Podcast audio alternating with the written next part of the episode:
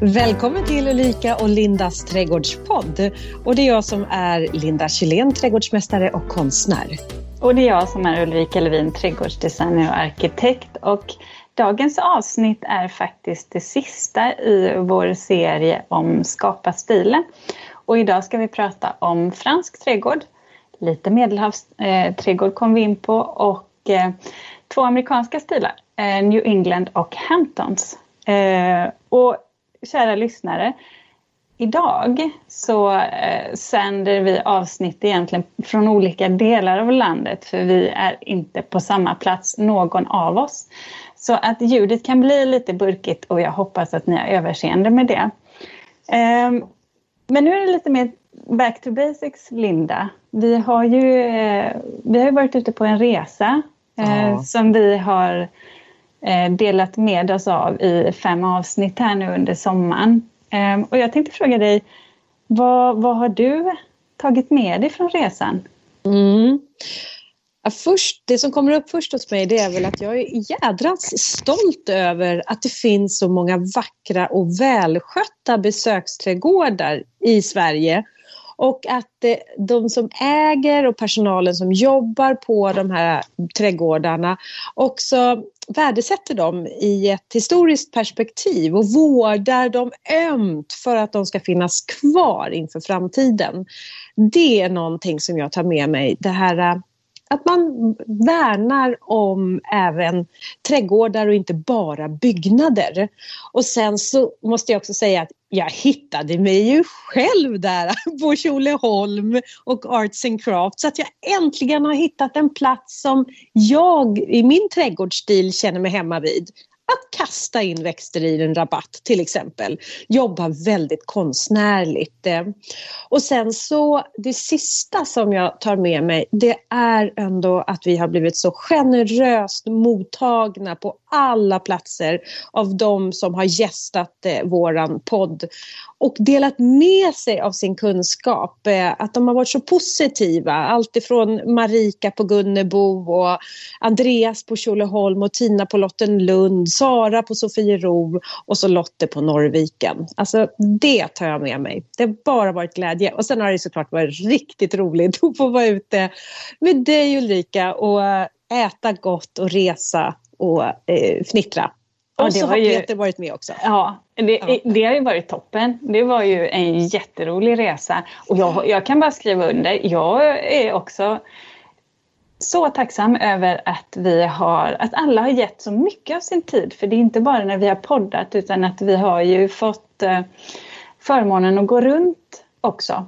Eh, och eh, jag hoppas verkligen att ni har lyssnat på de här avsnitten. Om ni inte har gjort det, passa på för det, det var mycket matnyttigt. Eh, sen tar jag också med mig av, också från Tjolöholms slott, Andreas, trädgårdsmästaren Alltså jag tyckte det var så skönt när han tog av sig stövlarna och gick runt i slottet i strumplästen, ungefär som man gör hemma. Jag tyckte det var helt underbart eh, i det här eh, fantastiska slottet. Då. Och sedan så, så tar jag också med mig att vi har fått alias alla tre. Du heter numera Ulla, jag går under namnet Doris och Peter Snäckan. Det tyckte jag var lite roligt. Ja, ja jo, jo absolut. Det, det, det är har du glömt bort det? Ja, jag har faktiskt lite glömt bort. Varför heter jag Ulla för? Jag var... Jo, vänta, det var väl någon felsägning va? Jajamän. Ja. Jag, jag vet inte vad det, det blev helt knasigt. Men men, eh, roligt har vi haft. Oj, ursäkta. Du ser Nej, men, man inte har stängt av. Ja, jag trodde att jag hade stängt av men det var lite så här när vi skulle få till det digitala så vågade jag inte stänga av eh, ljudet på telefonen om det var så att vi behövde ringas. Jag För förstår. det är lite svårt att lösa det där ibland. Men ska vi gå på det här? Eh, nej, men vet jag, du Ja, jag är nyfiken på, ja, jag är nyfiken på vad du har pysslat med. Vi har ju inte hört av knappt på flera veckor. Jag har varit ledig, bara faktiskt. Jag har varit nere vid havet eh, och varit tillsammans med min familj och, och mina föräldrar och bara haft det skönt och så om, umgåtts med en liten hundvalp också. Nej. jo, en jättesöt Münchenländer. Eh, hopp, jag hoppas jag, jag uttalar det rätt. Men supersöt, men det slår mig också otroligt mycket jobb. Det är min hundvalp. Jag har ju haft hund tidigare själv. Blev du sugen? Jo, men det är jag. Det, jag kan säga att min man gör hårdnackat eh, motstånd. Eh, så att, eh, och, och, men barnen vill ju jättegärna ha en hund igen då. Men det, det, är det där med tiden. Jag vet ju vad det innebär. Jag känner igen typen som gör hårdnackat motstånd. Men själv så har jag ju som sagt eh, eh tre hästar, en hund, en katt och numera tre höns. Så ja. det, alla barriärer går att ta sig igenom. jag ska inte ge upp menar du? Nej, nej, nej, nej, nej. Det är härligt. Upp. Det är härligt. Ja. ja. Men du då, Linda? Nej, men vad, jag har, du, vad har du gjort med alla dina djur? Har du fått vara ledig? Alltså det är ju så här att har man djur då, eh, det är ju ett väldigt bra sätt att ändå få man måste gå upp varje morgon, man kan inte bara ligga och såsa bort dagen. Även om jag tycker det är väldigt skönt med långa månader som nästan går över rakt in i middagen. Men, eh, har man djur, speciellt de här hönsen, de måste ju släppas ut på morgonen och de går ju där inne i hönshuset så att det är bara upp eh, klockan åtta, halv nio och släppa ut dem. Och sen så men de har fått hänga med vet du. De, har ju, de är ju väldigt beresta mina tre hönor. Ja, det är så roligt. ja, jag, jag kallar dem ju för, roligt. Alltså jag kallar jag, dem för gangsters. Alltså de är gangsterhöns det här. Alltså, de, jag, tror, jag tyckte det var så roligt när vi hördes på sms någon, någon dag där mitt under sommaren och, och du febrilt försökte packa och din man bara undrade vad, vad ska hönorna ta vägen? Jag förstår faktiskt inte hur ni fick plats i er bil. Nej, det fick vi ju inte. Så att jag har ju dragkrok så att du och, och koppla på släpet och sen så det är ju det är sånt där skydd över släpet så han ser ju inte vad jag puffar in där men, men han har ovetande åkt runt med ett hönshus. Och du vet, har du hela hönshuset med dig? Ja! Men och vet du, det här var så roligt därför att de har ju fått hänga med. De har varit i Småland och de har varit i skärgården och de har varit eh, uppe i Vemdalen. Och där i Vemdalen vet du, då, bestämde de sig för att eh, de skulle inte vara inhägnade bakom kompostgaller, de ska gå löst. Så att jag tänkte så här, okej, okay, gå löst då, hur farligt kan det vara liksom? Så att eh, de har ju sprungit löst där uppe. Men en dag var två hönor borta. Och jag gick runt och tittade lite så här, vad fasiken har de tagit vägen? Det här är ju alltså uppe i ett lite, eh, alltså skidort, alltså det är ju hus som ligger ganska tätt sådär. Jag bara, men vad har de tagit vägen någonstans? Och samtidigt ser jag en äldre herre gå runt och leta också och undrar så här, hmm, och jag tänker så här, nej, nej, nej, nej, nej. Han letar säkert efter ägaren till några höns. Så han frågar mig, han bara, du, jag måste fråga, höns? Eh, har du höns? Jag bara, åh nej. Ja, det har jag. Han bara, alltså vi blev lite förvånade. Vi hade väl kanske räknat med oss renar här uppe på fjället, men höns, ja de är på vår altan om du undrar. Jag bara, fasken är det där de är alltså? Oh, och nej, så att jag fick, men de är så, du vet, då såg ju de dem på altan så då tänkte de att där finns det säkert mat. Så att de, de älgade igenom blåbärsris och lingonris bort till den här familjen. Så nu har vi lärt känna några nya grannar där uppe som tycker säkert att vi är världens konstigaste. Min ja, mamma är så här, ja, det, det blir, du. Ja, det blir sådär att när, när barnen blir stora då får man skaffa hönor för att få grannkontakt. Spännande. Ja. Ja, absolut. Ja. Ja. Nej, men så, att jag, ja, nej, så att jag har varit, eh, jag har faktiskt varit runt och hälsat på vänner och familj och försökt att liksom... Mm, faktum är att jag har inte öppnat datorn på fyra veckor. Utan mm. har jag jobbat lite smått så har jag jobbat från telefonen. Mm. Mm. Men det blev intensivt där eh, innan vi slutade för sommaren. Det, det ja. tror jag vi båda kände faktiskt mm. att det var ja. så. Och du, det... Det, men semestern är inte slut ännu. Det är därför vi sitter på olika håll. För vi, ja, är, vi, är vi någon vecka till. Någon vecka till blir det absolut. Mm. Ja, ska vi gå på? Ja, det gör vi. Ja, det gör för, vi. för dagen då. och det här med fransk trädgård. Eh, för mig så, så tänker jag geometri, jag tänker formklipp och jag tänker repetition. Jag tänker Versailles, vilket är en gigantisk park. Så att jag menar, man får skala ner det i, i trädgårdssammanhang. Och det blir ju så här nu att när vi kommer prata de här stilarna så blir det ju vår tolkning. Det finns ju inte kanske en, en given definition alla gånger som man kan eh, få in i, i en liten privat trädgård. Eh, så att ni får ta det för vad det är helt enkelt, kära lyssnare. Men eh, det tänker jag. Och jag tänker mycket på det här att det är ganska... Eh, det här med geometrin, att, att en fransk trädgård är vacker från ovan. Den ska ses från ovan. Och eh, där man, du vet, verkligen kan få se det här geometriska mönstret. Som i en, eh, ja men du vet, knutrabatt till exempel.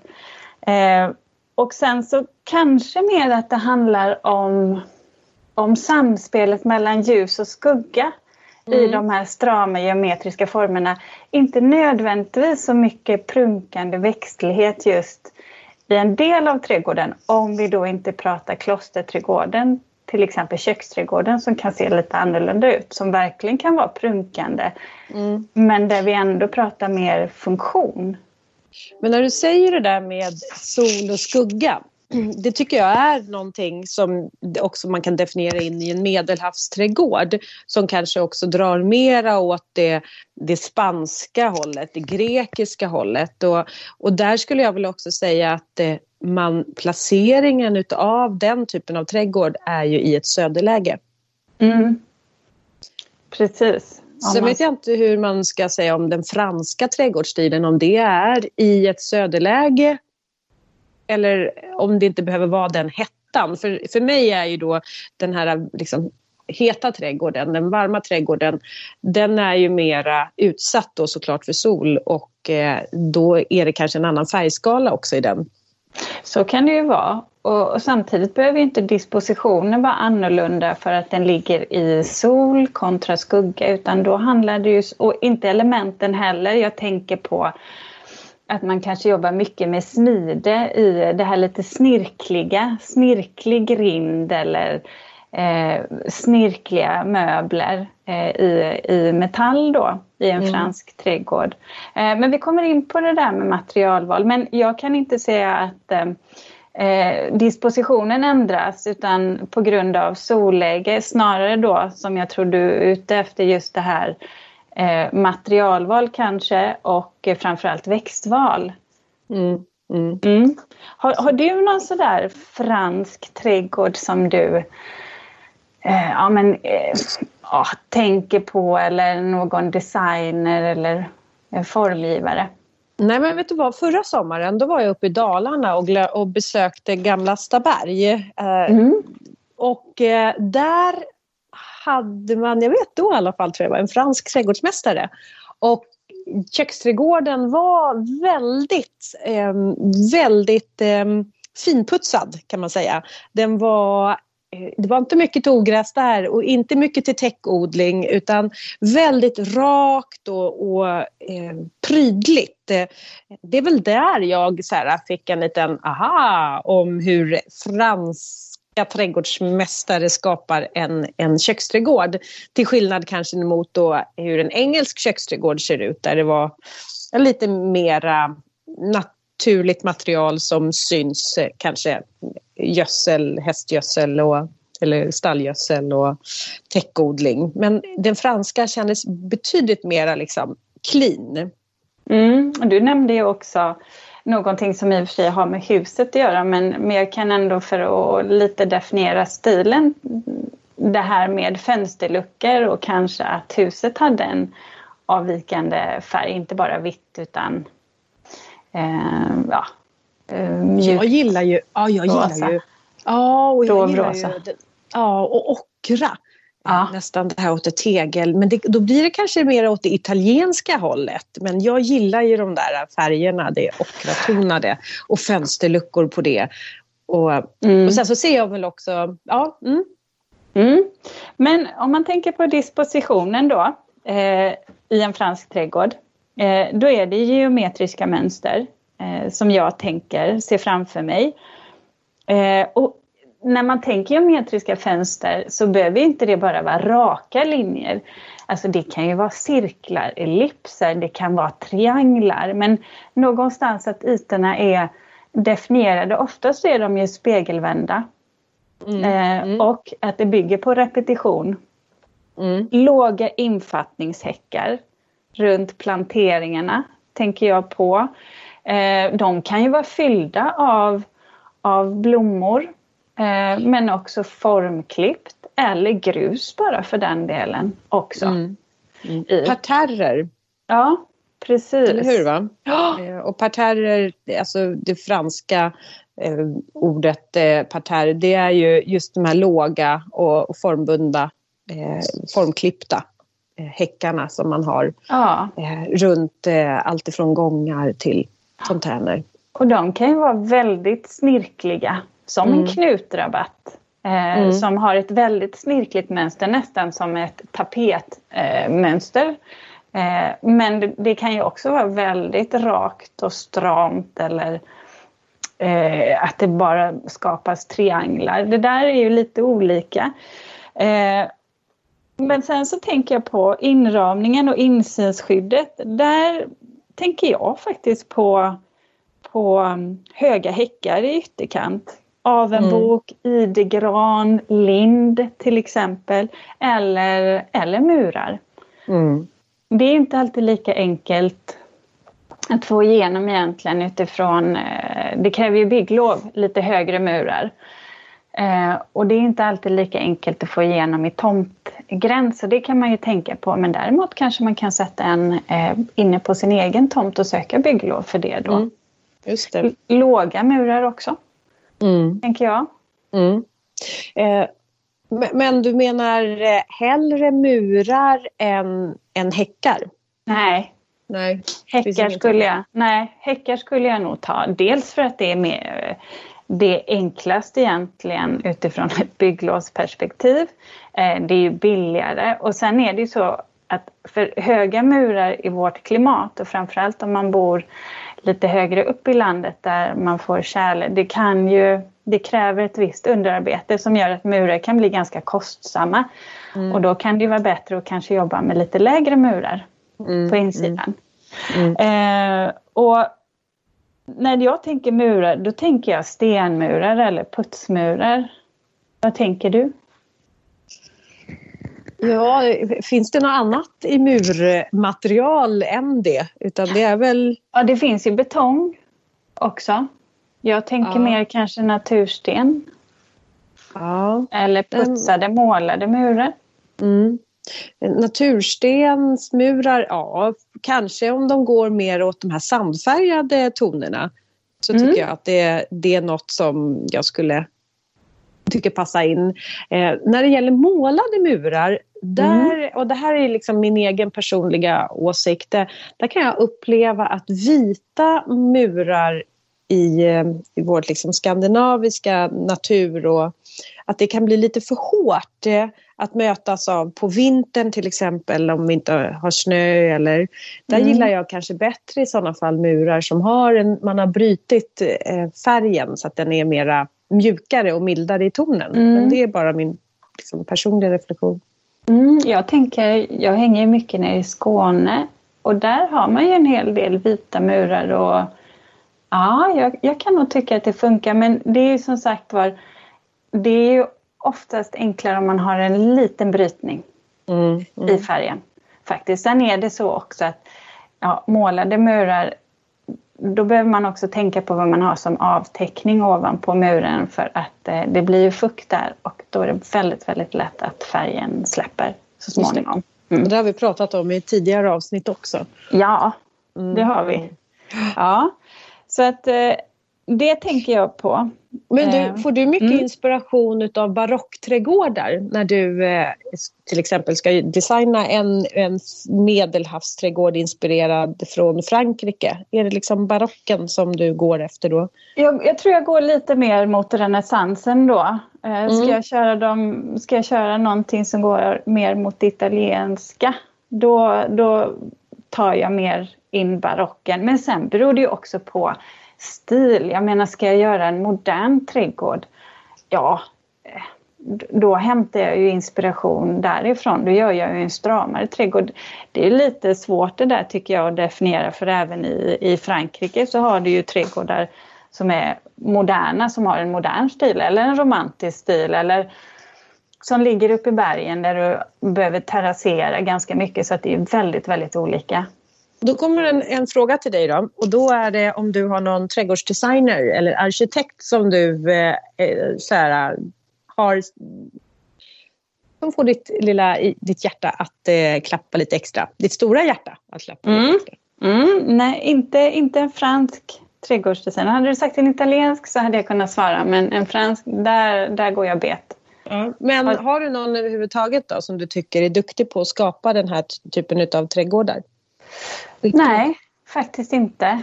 Har du hört eh. talas om Jeffrey Gordon? Nej, det har jag inte. Nej, men då också säga till er lyssnare att kika in på Jeffrey Gordon.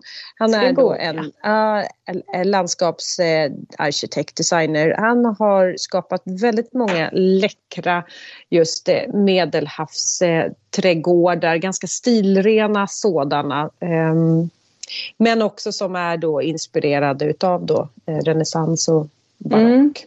Jag har faktiskt aldrig gjort en, en um, mer, uh, om man ska säga, jag har inte gjort en trädgård i Frankrike. Jag har gjort en trädgård på Mallorca och i Malaga.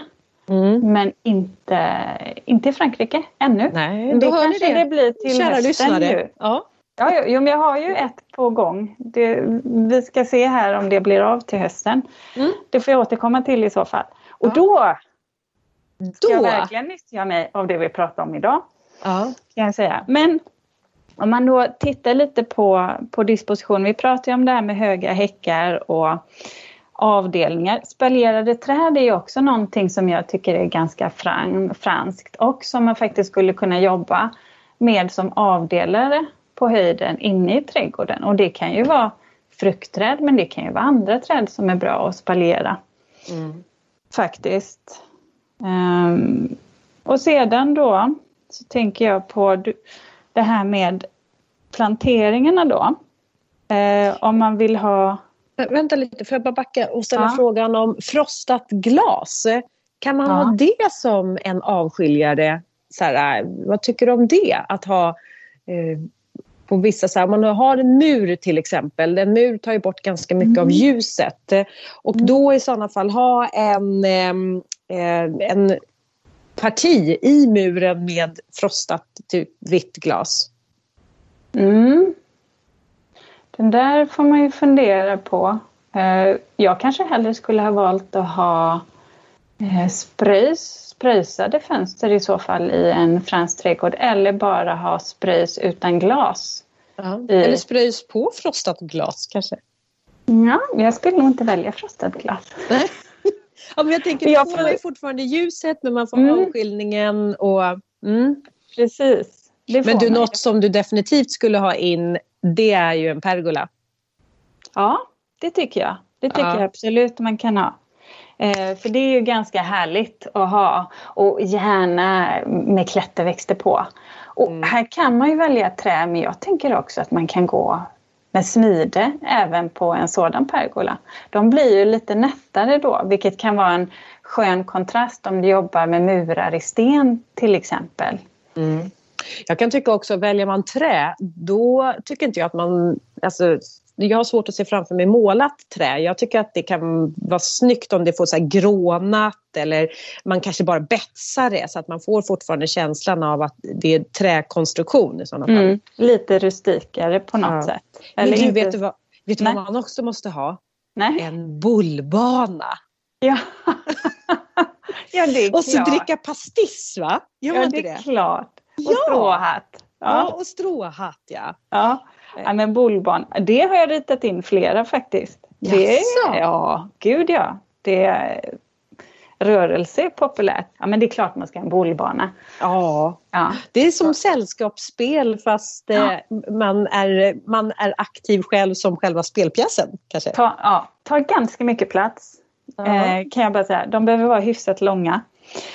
Eh, men det jag tänkte på, du var inne på det material om vi tittar på, ska man ha en bollbana så är stenmjöl ganska bra att ha eh, på Mm. den. Eh, men jag tänkte på, du var inne på det här med, med eh, stenmurar där, materialval, de här lite mjukare färgerna och där kan jag ju tycka om man ska ha på på marken då sten så kan jag ju tycka att kalkstenen är jättefin. Både om du vill ha oregelbunden eller eh, rektangulära plattor. Mm. Det är ju så snyggt. Kalksten är, är väl också, men det, är det så budgetsmart? Alltså är det, Nej, det blir hyfsat dyrt men grus funkar ju alltid eh, Mm. tycker jag i en fransk trädgård. Och det man kan göra också är att ta blanda och man kan ju också välja att lägga runda stenar ungefär som kattskallar fast i mindre format. Det kan man ju också ha som gånger och blanda med grus eller med smågottsten också för den delen. Det kan också bli väldigt eh, snyggt och bli lite mer, då går man lite mer återigen åt det här lite romantiska hållet. Kanske snarare än, eh, än det moderna. Men så, det tycker jag att de jobbar mycket med sten också. mm. Att det får vara lite rundat. Mm. Men kan vi inte komma in på det här med, med, med växter? Mm. Eh, Det gör vi. För att eh, vi pratar ju om de här låga infattningshäckarna. Mm. Och där tänker jag mig att man kan ju välja buxbom, det är en väldigt tacksam växt. Men så har vi ju den här eh, sjukdomen. Vilket gör att en svampsjukdom som, som vi har nämnt tidigare då, så den, det ska man ju tänka på. Att buxbomen kan drabbas av det. finns ju inget botemedel där. Eh, men då skulle man ju kunna välja idegran istället och då kanske en eh, dvärgidegran som heter Leskov som är härdig upp till zon 5 eller dvärgligusten Lordense till exempel. Just det. Där, men det är väl bra, två bra förslag för att just formklippa. Ja. Sen kan man ju ha infattningshäckar av, eh, av till exempel lavendel också naturligtvis. Då blir det inte riktigt det här strama. Men det skulle ju funka och då skulle jag välja en sort som heter Munstead. Och då skulle jag nog välja att sätta fyra stycken per eh, löpmeter, det vill säga med ett CC-avstånd, centrum, centrum planta betyder det, på 25 centimeter. Då får man en väldigt tät och fin häck i slutändan. Mm. Mm. Vad, vad har du för växter som du tänker att man skulle plocka in? Eh, nej men jag ser framför mig några palmer också. Ja, Eller lite så palmliknande i alla fall. ja. Eh, Men en, och en sort som jag är lite överraskad över som är eh, eh, hyfsat härdig, eller härdig men ändå en av de härdigaste. Nej, men en palm, jag, jag tänker på palmer och en palm som jag eh, vill tipsa om det är ju väderkvarnspalm. Mm. Det är en av de härdigaste just medelhavsväxterna som eh, man kan ha och faktiskt övervintra ute i ett eh, växthus till exempel, ehm, eller ett uterum då. Och den tål faktiskt inte långa perioder av minusgrader men lite kortare perioder av minusgrader. Eh, för palmer kan jag ändå någonstans tycka det hör hemma i de här varmare liksom trädgårdarna som ändå ska få vara i det varmare klimatet. Kanske uppe vid eh, altan då, i kruka till exempel. Jo men absolut. Jag, jag träffade faktiskt en snubbe som, ehm, ja, som vi får se om vi ska med i podden Linda. Jag säger inte mer än så just nu. Men han Nej, men gud, odlade spännande. faktiskt, Ja. ja det är det. Eh, han odlade faktiskt palmer, jag tror på friland. Det var Okej. helt eh, fascinerande här i Stockholm. Så ja, så att det går ju. Nej, palmer, det är ju häftigt. Jag har inte jobbat med det särskilt eh, mycket ska jag säga, men det finns ju som du sa. Sen tycker jag också att, att ha eh, växter i kruka eh, eller på friland om man bor i södra Sverige. Ja, men du vet fikon, vi har ju citrus, persika, alla de här eh, växterna. Eh, olivträd har vi ju, men där kan man ju också då välja silverpäron som man kan välja både som träd eller som spaljerat träd, som ett tak kan du klippa det, du kan klippa det som en kolonn. Det, där har du ju alla möjliga användningsområden för, mm. för det, det trädet. Alpvidet där också. Ja, får du mm. någonting som, som tar sig lite längre eh, upp. Lagerhägg, vad tycker du om det Linda? Jo, men åh, lagerhägg det gillar jag. Det har jag ju faktiskt planterat hemma hos mig nu också. Just för att få en vintergrön eh, häck kring vår baksida där vi har ett sånt här spabad och man inte vill ha insyn. Så att lagerhägg tycker jag, och den är också väldigt tålig och eh, gentemot både torka och eh, ganska utsatt läge. Min mamma har en lågväxande variant ute på Ingarö där hon har sitt hus.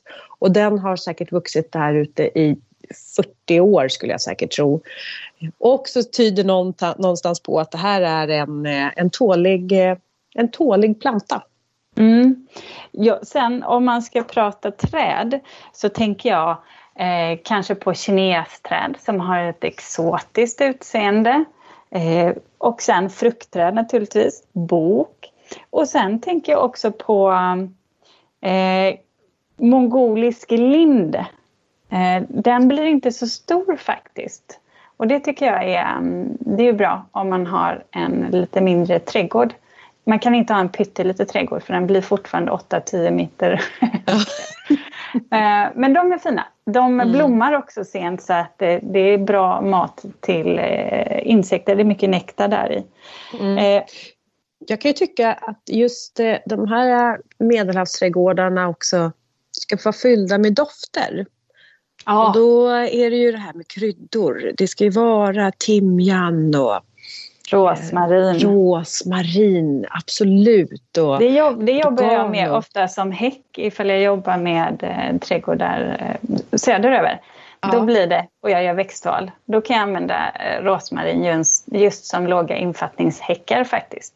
Eh, ja. Det funkar ju alldeles, alldeles utmärkt. Det blir du, supersnyggt. Härdigheten där då? Men du ja, det funkar inte i Sverige. Nej, nej. nej, då, nej södra, då pratar vi Medelhavet fortfarande. Okay, nej, nej, det går ju inte här. Absolut inte. Men du, jag tänker om vi pratar lite accessoarer då. Mm. Eh, jag tänker terrakottakrukor, lergods. Jag kan tänka mig zink också om man hellre vill gå åt den färgskalan. Mm. Och som sagt var möblerna, då, då tänker jag metall. Du mm. vet lite bistro eh, stolar och bord. Absolut. Och jag tänker om man ska ha dynor där i, då ska det väl vara lite så randiga dynor?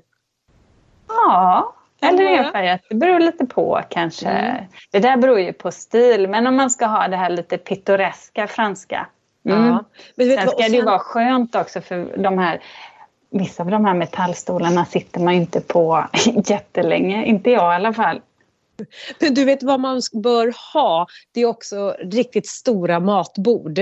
För att ja. är det något som man gör, man bjuder ofta in liksom hela vänkretsen på middag. Så det ska ju vara liksom rejäla eh, bord. Så många, det måste vara plats för eh, minst 20 personer. Ja. Ja, på ja, en ja. Eh, stenlagd yta. Och så spelar man boll och dricker patis. Patis, ja. Eh, det fastnade pa, du för. Pastis heter det ju. Ja, ja Jo, men jag säger att ja, allt som... Eh, men boll, alltså allt som gör det lite trevligt att umgås. Ja, jo men det är det. Mm. Det är ju alltid härligt. Men stora så, långbord tycker jag. Ja, det kommer ju alltid in eh, på alla ställen höll jag på att säga. Det är alltid trevligt. Men mm. vet du vad jag tänker på också? Eh, något som för mig är mycket eh, fransk trädgård, det är vatten, fontän. Ja, det är det. Ja, det tänker mm. jag. Statyer kan faktiskt också ha en mm. plats mm. i de trädgårdarna. Så, så det, det kan jag tycka. Det kan vara en liten fontän eller någonting större, men gärna någonting som porlar. Ja. Mm, mm. Du får tumme upp på det också utav mig. Ja. Eh, får jag bara ställa en annan fråga? Lite orientaliskt inspirerat då? Kan man tillåta sig att ha det i en fransk medelhavsträdgård? Mosaik? Mm, då tänker jag mer att vi kanske, det blir lite mer eh, eh Nordafrika snarare. Mm. Eh, åt, åt det hållet och kanske lite mer Spanien mer. Men som sagt var, ingen stil är ju huggen i sten. Det där får ju bli lite tycken och smak. Men det jag tycker att du har en poäng med det är det att om vi ska prata ljussättning i en fransk trädgård då kan jag tycka att det här med, med ljuslyktor är också väldigt, eh, väldigt trevligt, eh, mysigt. Får gärna vara lite snirkligare då också mm. faktiskt. Mm. Rost funkar också. Alltså rost, eh, sånt som har rostat. Mm. Ja. Och sen också, varför inte, vad, vad, tycker du om att man ska odla i konservburkar? Ja, men ja, det kan ju, ja, varför inte? Det kan ju funka lika väl i den lantliga stilen eller mer rustika stilen tänker jag snarare mm. då. Ja. Faktiskt. På. Men du, ja. eh, jag tänkte, jag ser att klockan går. Eh, jag har inte ens tagit tid på någon klocka. Jag, jag, eh, Du är fortfarande på sommartid. ja, faktiskt så är jag nog det. Ja. Håll ordning du, på mig. Ja. Eh, då tänkte jag så här. Två amerikanska stilar då. Vi har ju faktiskt fått en, en eh, poddfråga om det sen tidigare. Just det här med New England. Eh, New England-stilen där. Och eh, det är en stil som efterfrågas när jag är ute och designar kunder. Eh, för att det handlar ju också om kanske att det är många som bygger hus i den stilen. Sen har jag ju också ritade jag faktiskt i år en trädgård som var inspirerad av äh, trädgårdarna på äh, den amerikanska östkusten, Hamptons. Äh, där, ja. New York. Och jag tänkte att vi bara skulle nämna de stilarna nu när vi har chansen. Mm. Om, jag, alltså, om jag skulle så här, blunda och så skulle jag se framför mig en New England-stil. Då mm. ser jag framför mig välklippt gräsmatta.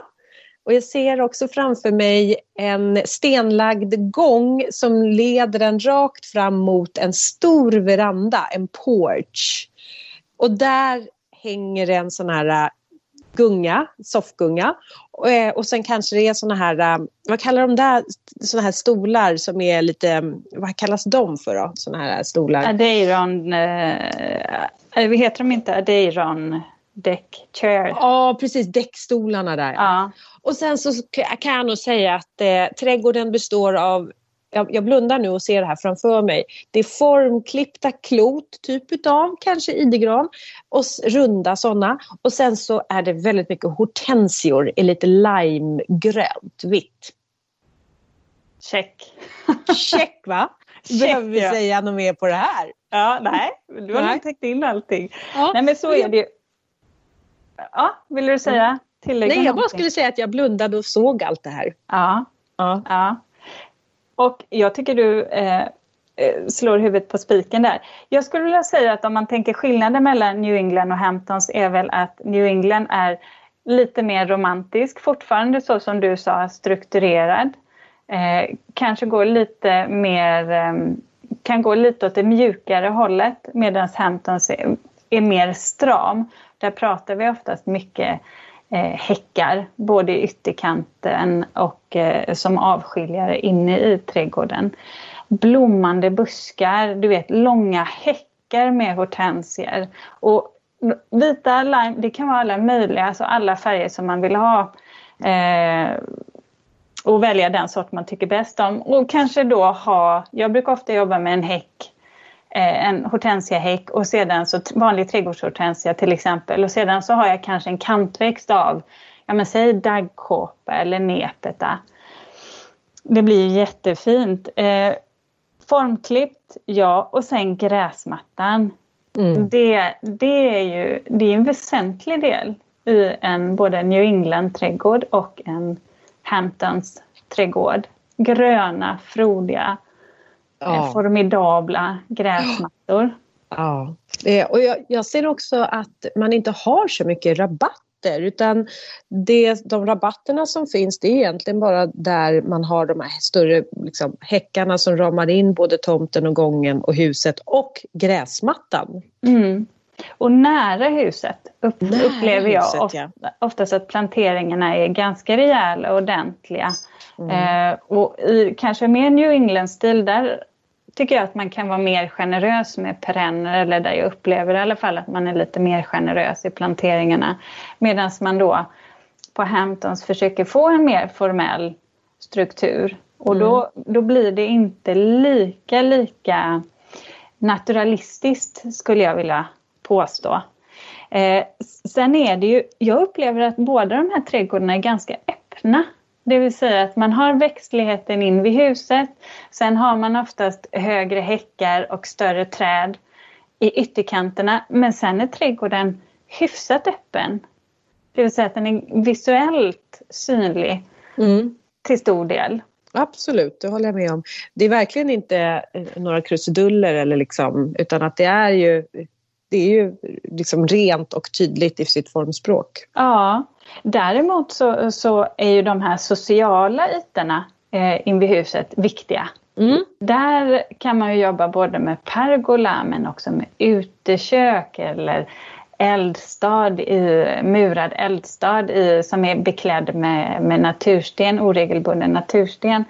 Det känns som att det är ganska viktigt och att trappor är generösa Mm. Det vill säga som man kommer ut på antingen på uteplatsen om man behöver göra en terrassering eller ut på gräsmattan. Det är ganska, det är ganska stora öppna ytor och också de här funktionsytorna, alltså funktions, eh, rörelsemönstret som man går igenom. Där är det ganska mycket yta mm. man har.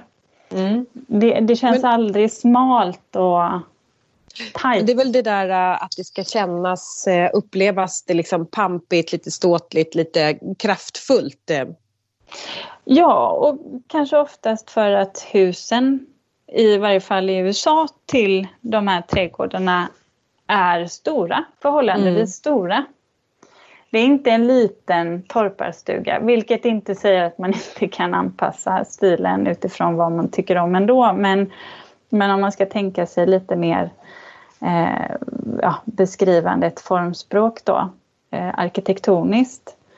Sen kan jag tycka att eh, vatten är också centralt oftast i Är det pool de här du tänker då? Ja, då tänker jag nog pool. Har man inte möjlighet till pool då kanske jag skulle satsa på en vattenspegel istället. Men inte så mycket fontän va? Nej, inte Nej. fontän utan snarare en stram vattenspegel som kanske oavsett om det är en vattenspegel alltså en damm eh, eh, som har en blank vattenyta då, det vill säga eh, inte så mycket växtlighet i.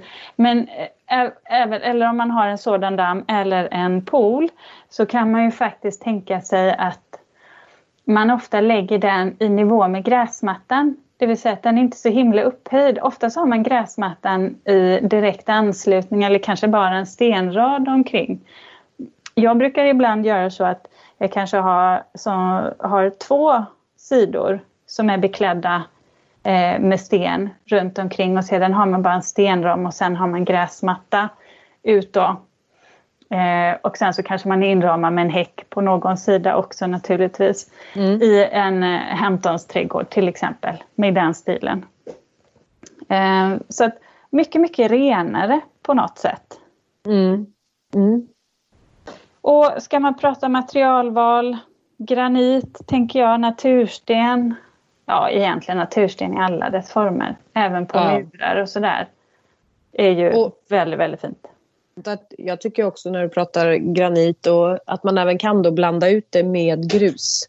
tycker jag är fint att ha platssättningar. Ja. Mm. Och, grä, och gräsgångar återigen. Gräs är ju, eh, är ju eh, centralt i de här båda stilarna. Sen kan jag tycka att på, på träden där, eh, gärna träd med stora löv som till exempel klotnaveln, en eh, nanum där. Som är ett, en ganska liten lönn som man kan använda. Mm.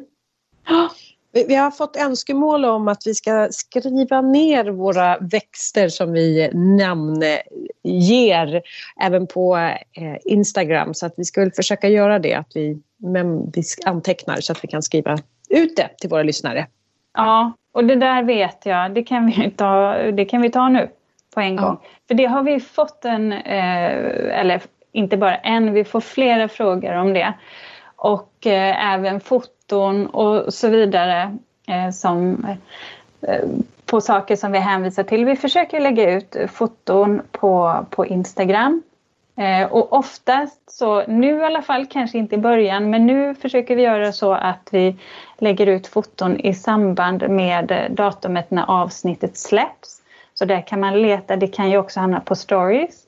Och det kan ju också handla om filmer som, eh, som läggs ut där. Och har man inte Instagram så är det ju så att man kan ju ändå googla via webben, Ulrika och Linda Instagram, så kan man se det eh, på det sättet även om man inte har appen Instagram, vill jag tillägga. Ja.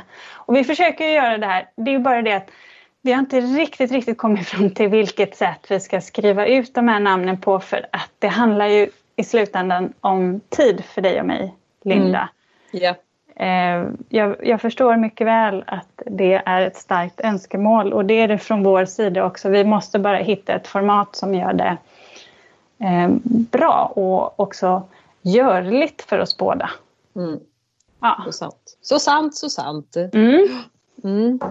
Men då, då var ju det här sista avsnittet om stilar. Men vet du vad, jag har bara några saker som jag, alltså så detaljer i eh, New England-stilen. Ja. Ja, eh, där jag också ser framför mig stora järnurnor. Mm. att man liksom placerar ut och sen så är det inte att man har en vackra sommarblommor i de där järnurnorna utan att man snarare kanske bara har några vintergröna Alltså det kan vara något så simpelt som eh, tujor eller suppresser ja. som står. Stora element. Statyer funkar också, tycker jag. Det är mer... Eh, jag ser det mer som element i den typen av, av trädgård. Mm. Men något, något som slår mig nu då, jag som alltid har en tanke på pollinatörer varje gång jag pysslar i min trädgård, att de ska bli inbjudna det är inte särskilt mycket mat för pollinatörer i en eh, New England-trädgård va?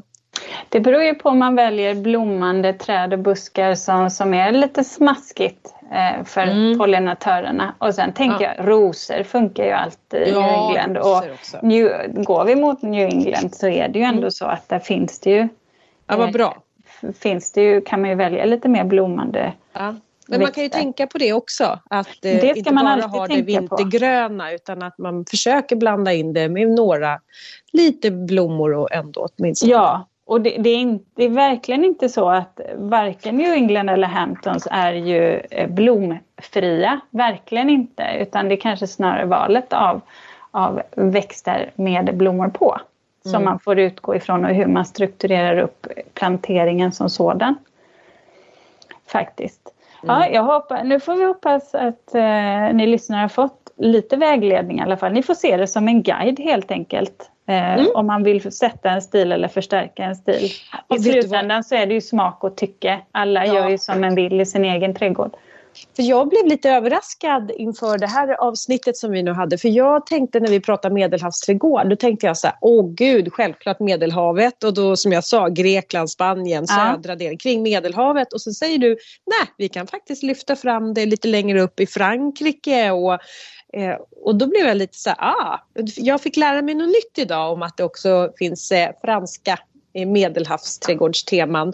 Och sen så även att det finns två olika sorters eh, New England och Hampton. Ja. Det hade inte jag heller riktigt koll på. Så att, eh, jag har lärt mig en, en hel del när jag har, eh, vi har spelat in det här avsnittet. Ja, vad bra, ja. tänker jag. Ja. ja. Ja. Och sen så, så vet jag att vi får ju också frågor från lyssnare just hur man ska göra eh, är, är, när det gäller stil i sin trädgård, är det livsviktigt att man håller en stil? Och det beror ju på vad man tycker om. Det är ju så här också, om man älskar trädgård så, så har man kanske sällan eh, en trädgård som är tillräckligt stor. Och det är klart att man kan eh, blanda stilar också. Jag skulle väl rekommendera att man försöker göra avgränsningar då.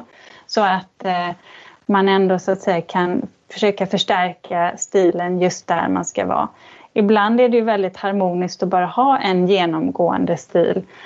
Och det är alltid, har man en liten trädgård så kan det vara enklare att hålla sig till en stil medan det kan vara Ja, i en stor trädgård så har man lite mer val valmöjligheter. Och sen så är det som sagt var, man blandar ju oftast. För det handlar ju om vad man själv man tycker är fint. Ja, men det är som i ett hem, alltså ett hem som inte innehåller ens personliga... Man, man har liksom en grundtanke på, på inredningen men sen måste man ju få plocka in lite egna personliga föremål som väcker ens minnen till liv eller Eh, så att jag, det tycker jag också. Och jag säger bara så här. Arts and Crafts-trädgården, det var ju den ja. där jag hittade hem. Den har ju många olika stilar i sin. Ja, det hade den verkligen. Och jag tänker också utifrån min profession att jag, jag jobbar ju trots allt väldigt brett med olika stilar beroende på hur uppdraget i sig ser ut, hur huset ser ut, hur omgivningen ser ut och, och, och vad, vad husägaren i slutändan vill ha och tycker om. Så att, eh, sen finns det väl någonting av Ulrika i, i alla mina eh, i alla de ritningarna jag gör. Men så, så blir det ju. Det är ja. ju naturligt. Ja, ja, det är därför man väljer dig Ulrika. Ja, så ja. är det. Men ja. Eh, du eh, Linda, eh, har du någon reflektion så här? Har du hunnit fundera någonting eller gått och funderat på någonting när du inte öppnat datorn på fyra veckor? vet du, det här är helt otroligt men jag har faktiskt lärt mig någonting som jag tror kommer förändra mitt liv eh, till viss del till det bättre. Okej, okay. mitt också då. Nej, vet du vad Ulrika? Jag, jag ser ju det, du ser lite lurig ut. Så ja, jag ser lite lurig vet man aldrig vad som kommer från Linda. Nej men vet du vad, det här, det här känner du till. Eh, det är jag som inte har känner till det här men jag har faktiskt fått lära mig det här utav Peter, eh, våran härliga kollega Peter. Eh, för jag har en tendens att få det lite stökigt runt omkring mig. Och sen så när jag håller på med någonting, sekatör, klipper någonting, jag lägger ifrån mig det. Eller jag kommer hem från en resa och jag lägger undan, ställer undan min resväska och så säger jag så här, jag tar det sen. Säger jag. Ja. Och helt plötsligt går det tre veckor och de där jag tar det sen-högarna, de har blivit väldigt många. Och då sa Peter till mig en dag, vet du vad Linda? Du kommer inte få mer tid än vad du har just nu. Och då lärde jag mig, klokt va? Och då lärde jag mig, ja just det. Så när jag nu kommer hem från en resa och jag tänker så här, jag tar det sen och packar upp den där. Nej, hör jag en liten röst säga till mig, du kommer inte få mer tid än vad du har nu. Okej, okay, jag gör det nu. Jag gör det nu. Och det där har gjort att jag... Oj, nu blev Linda alldeles tyst. Nu tror jag hon försvann. Vi får ringa upp igen. Hallå? Det, jag är här. Det var den där lilla rösten. Ja, det, bara, ja, men... det bara klippte. Så, du har något nytt revolutionerande som du gör alltså? Ja, men då hör jag den där rösten som säger till mig så här du får inte mer tid än vad du har nu. Så numera när jag då kommer hem från kanske den där resan, då tittar jag på den där resväskan och så tänker jag så här, ah, jag plockar upp den på en gång. Och alla de där små projekthögarna, eh, jag tar det sen, de finns inte. För jag får inte mer tid än vad jag har nu. Det är någonting som jag har lärt mig. Det tror jag kommer vara revolutionerande för mig. Eh, att jag har lärt mig det i sommar. Smart inställning tycker jag. Jättebra. Ja, eh, ja Peter, du är en klok man. Peter är en klok man. Han ger tummen upp på den. Ja, upp. Precis, jag kom precis på att han kan inte prata nu för jag, ja, när vi spelar in. Ja, herregud. Det märks att man har varit ledig. Mm. Har, och du då? Har du refererat? Refer, re, gud, jag kan inte säga ordet. Refererat. reflekterat? Jo, men det har jag. Eh, och jag har ju tänkt... Eh, ja, du kommer skratta. Oh, jag har ju tänkt på tid, eh, surprise. Men jag har faktiskt också tänkt på någonting som min man sa till mig. Du ser eh, det här med att någon annan säger någonting. För att jag har haft eh, det väldigt intensivt. Och sedan så har ju jag inte heller, um, har jag Eh, ja, men jag har ju en mamma som är, är väldigt sjuk eh, och jag har ju någonstans bara insett att jag, jag behöver få lite mer tid för att kunna frigöra saker och ting. Eh, eller frigöra tid för saker och sånt som jag vill göra. Och så sa min man så här då när jag hade bara konstaterat att jag har så, jag har så himla lite tid. Och så sa han, men jo, jo, men du Ulrika, det är ju ganska mycket du gör som du inte har lagt in i din dagsplanering. Och då tänkte jag, men det, jag brukar ju räkna tid jättebra. Tills jag inser att ja, men jag räknar ju det som att jag har arbetstid från det att jag kliver upp till att jag går och lägger mig i princip. Det blir ju inte riktigt, riktigt funkis. Så, så jag kommer också förändra lite när det gäller mitt förhållande till tid har jag tänkt på. Vad spännande för att jag ser ju dig annars som eh, eh, ett ideal för hur eh, någon som är skicklig med tider. Så att då, jag följer dig i de spåren så vem vet vad det här kommer leda till. Ja, precis. Lite mer fritid, mer avslappnat och kul på jobbet. Mm. Mm. Ja. ja, det kan vara bra. Ja, men eh, kära lyssnare, tack för att ni har lyssnat idag. Eh, och som sagt var, vi har ju vårt Instakonto Ulrika och Linda som man kan kolla in på. Och så hörs vi igen eh, nästa vecka. Ja, men det gör vi. Ha det gott nu då, Linda. Ja, du också Ulrika. Ja. Nu ska jag ut i... Det är sol faktiskt. Jag ska ut till mina hönor. Ja, jag ska ut och måla hus. Oj, nej det ska ja. inte jag. Nej. Ja. Ha det bra. Hej då. Hej.